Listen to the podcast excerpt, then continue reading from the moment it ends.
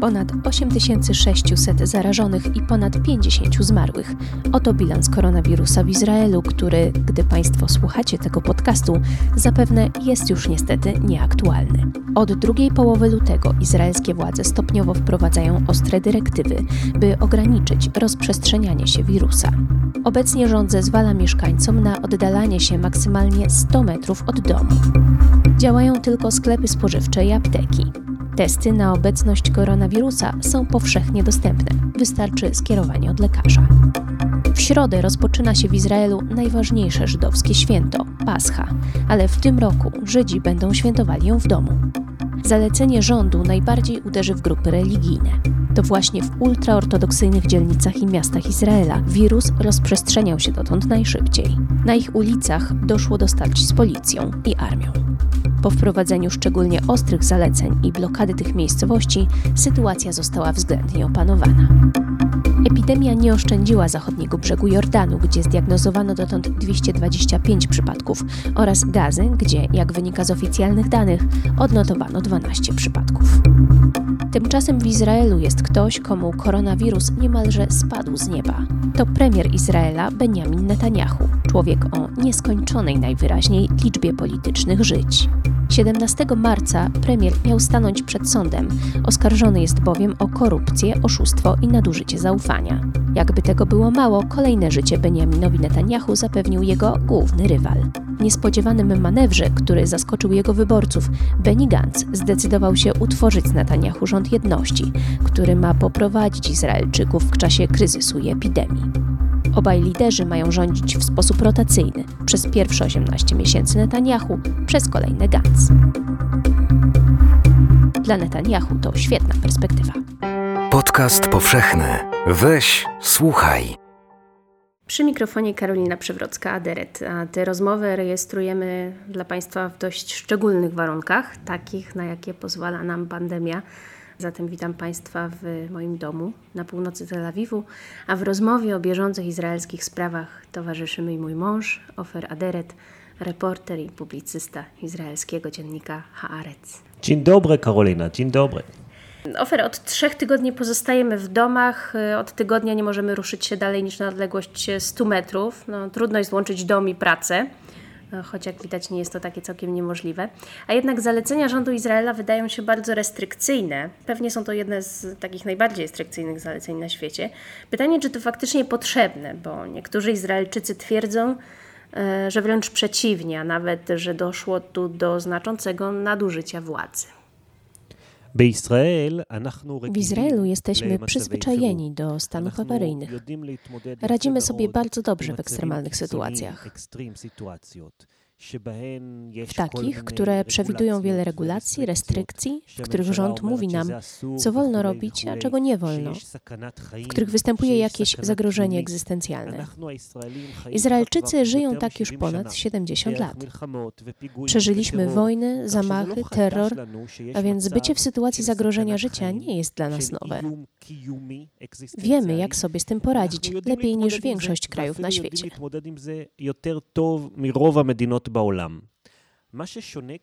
Ale obecna sytuacja jest inna. Dziś cały świat znajduje się w obliczu tego samego problemu. Także w Polsce, Ameryce i w Europie. Wszyscy stoją przed tym samym wyzwaniem pozostają w domach. To sytuacja szczególna i nowa dla wszystkich, którzy mają po kilkadziesiąt lat. Chciałbym tu jeszcze coś dodać, coś bardzo smutnego. W Izraelu smutnym aspektem epidemii jest to, że zagraża ona życiu wielu ocalałych z Holokaustu.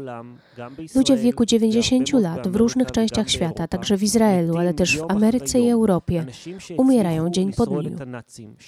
To ludzie, którym udało się przeżyć działania nazistów, obozy zagłady, którzy najpierw przez to wszystko przeszli, potem założyli rodziny, a teraz w tak zaawansowanym wieku umierają z powodu koronawirusa. To tragiczne. Ta myśl chwyta za serce. Bardzo boli, bo przecież śmierć z powodu koronawirusa najbardziej dotyka właśnie tę grupę wiekową. I to są ludzie, których najbardziej nam żal. Przeżyli największe zagrożenie w historii nazistów i teraz z powodu małego wirusa przychodzi im umierać. To punkt, o którym należy pamiętać. Myślę, że rząd Izraela robi wszystko, by wyjść z tego kryzysu, tak samo jak zapewne każdy inny rząd na świecie. Problem w tym, że nie ma chyba osoby, która wie ze stuprocentową pewnością, co należy zrobić, ale próbujemy. Nawet Służba Bezpieczeństwa Ogólnego, Shin Bet, która zwykle zajmuje się poszukiwaniem terrorystów, nawet ona pomaga się uporać z koroną. Choć robi to w sposób wyjątkowy,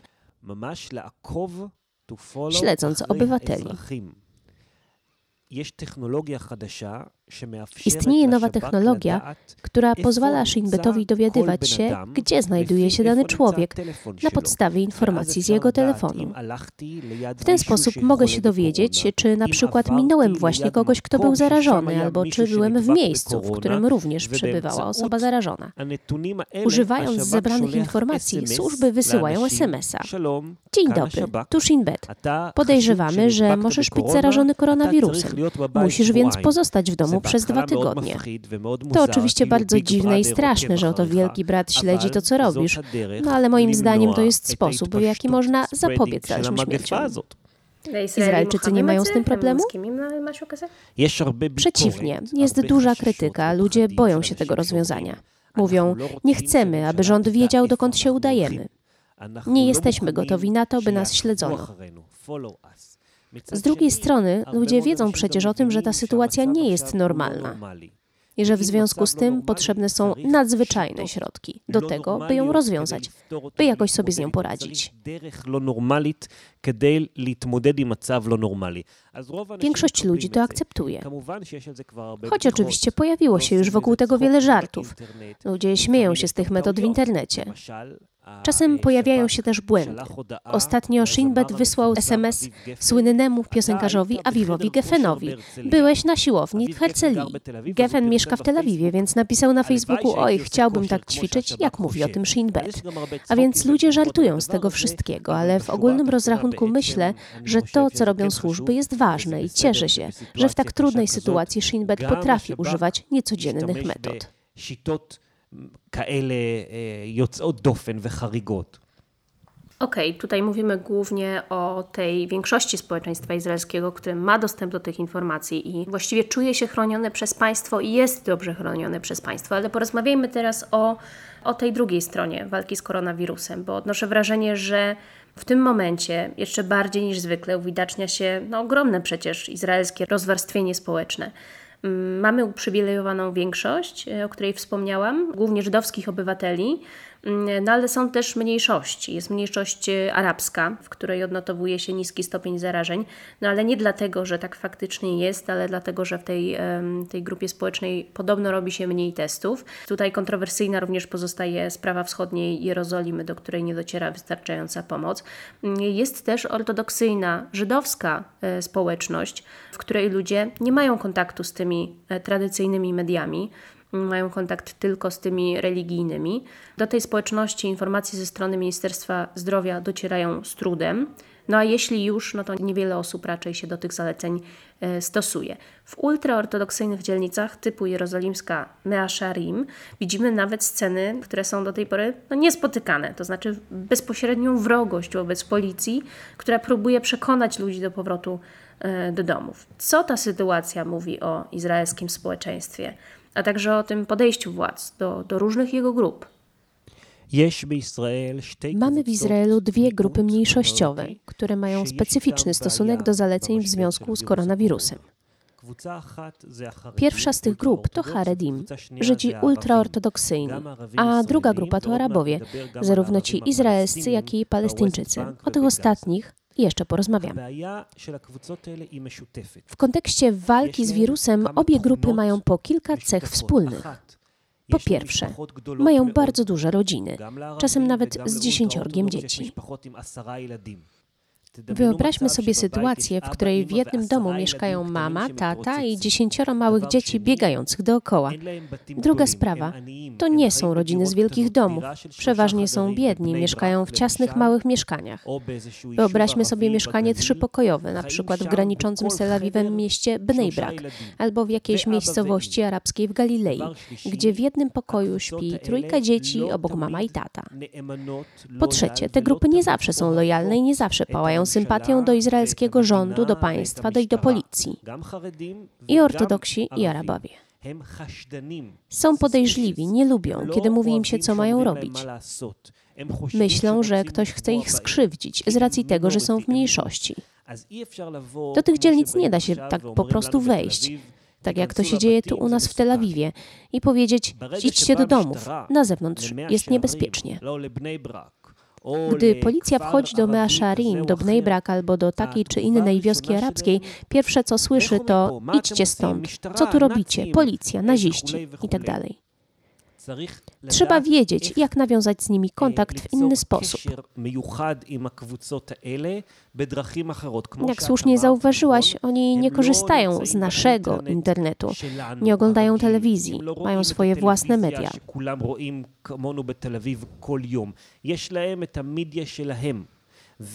Ultraortodoksi mają swoich rabinów i jeśli taki rabin coś im powie, to oni to zrobią.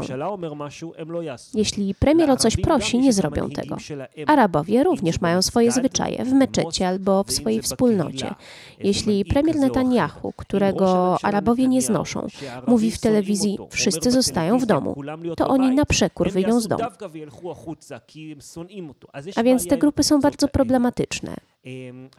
Prawdziwym problemem jest fakt, że epidemia błyskawicznie się roznosi, a więc jeśli rozpocznie się w Bnei Brak, to momentalnie rozniesie się dalej, bo przecież Bnei Brak jest obok Ramat Gan, a ten obok Tel Awiwu. Błyskawicznie jest w stanie zmienić sytuację także w innych miastach. Podobnie sytuacja ma się z miejscowościami arabskimi. Mieszkamy tu przecież razem. Tu wewnątrz Izraela nie ma muru. Żyjemy obok siebie. A więc te grupy są niebezpieczne nie tylko dla samych siebie, ale także dla reszty społeczeństwa. Więc trzeba wiedzieć, jak poradzić sobie z tym w inny sposób.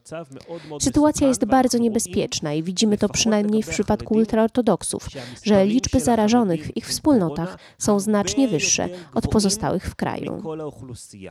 W przypadku Arabów ta sytuacja tak nie wygląda, ale to może być związane z faktem, że nie wiemy dokładnie, bo tego nie sprawdzamy.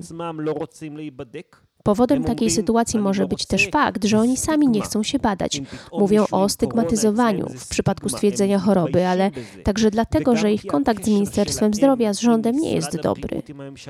Jest więc możliwe, że te liczby są znacznie wyższe, a my o tym nie wiemy. Wiemy natomiast, że u ultraortodoksów to już naprawdę sytuacja jest dramatyczna. Wczoraj w Bnei Brak, mimo zaleceń, urządzono tam wielki pogrzeb. Tu, w parku Ajarkon w Tel Awiwie, policja nie pozwala wjechać rowerem do parku lub wyjść na dłuższy spacer. W Bnei Brak kilkaset ludzi uczestniczyło w pogrzebie. Kto im na to pozwolił? Policja. Dlaczego?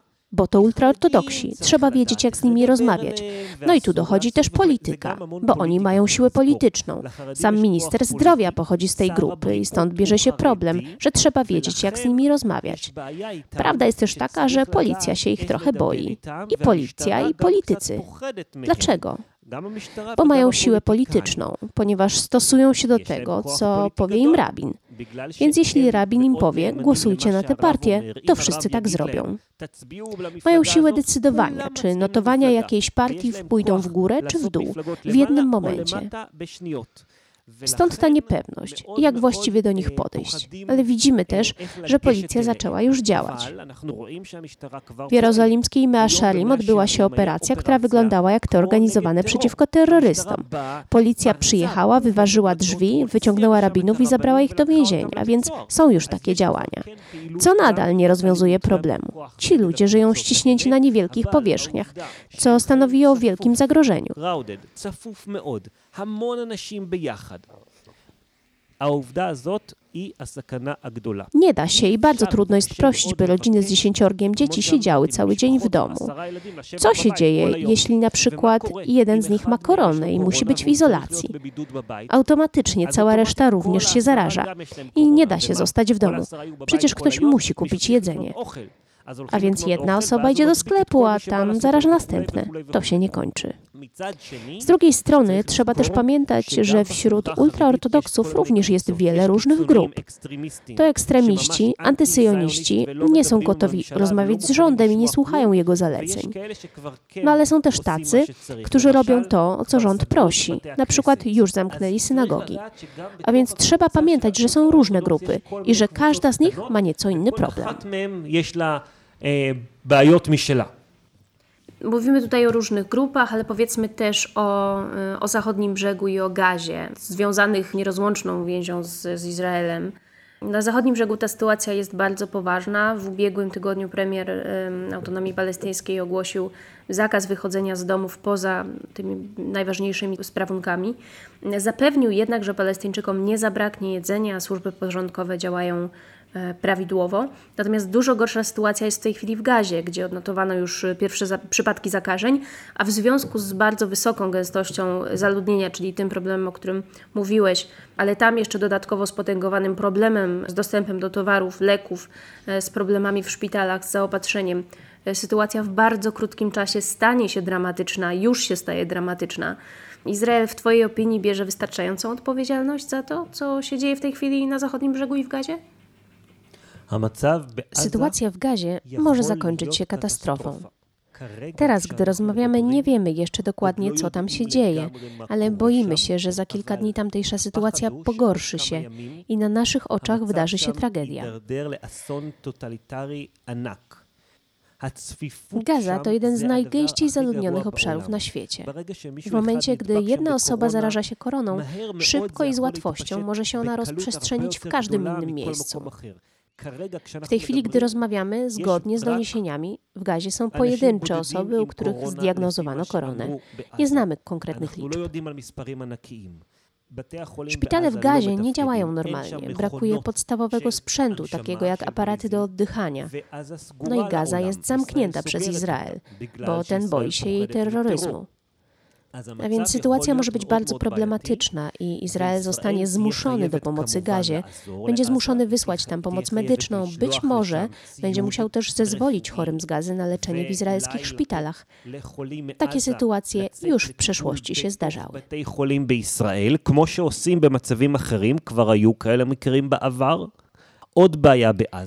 Jest jeszcze jeden problem. W Gazie rządzi Hamas uznawany za organizację terrorystyczną. To nie jest normalny rząd, z którym Izrael może rozmawiać albo mieć pewność, że dane, które on upowszechnia, są prawdziwe. Nawet jeśli w Gazie powiedzą, że nie ma chorych na koronę, my uważamy, że to, co mówi Hamas, to nie jest do końca prawda. To rządy terroru, rząd totalitarny. Trzeba więc pamiętać, że jest problem w kontakcie z tymi ludźmi. Ta epidemia jest globalna, ale Gaza nie jest takim zwyczajnym kawałkiem świata. Ważnym zadaniem ONZ-u będzie teraz zrozumienie, jaka pomoc jest tam najbardziej potrzebna i jaka tak naprawdę jest sytuacja na miejscu. Tam jeszcze może wydarzyć się katastrofa. A może to choćby szansa na odrobinę pokoju. Izrael zostanie zmuszony do udzielenia pomocy. Oba narody będą musiały ze sobą współpracować. Niby tak, ale ja widzę to w czarnych barwach. W momencie, gdy korona zacznie zbierać żniwo w gazie, Hamas zrobi to, co zwykle. Zacznie odpalać rakiety, co zdarza się zawsze, gdy pojawia się jakiś stres. Zaczną od terroru, bo to wychodzi im najlepiej.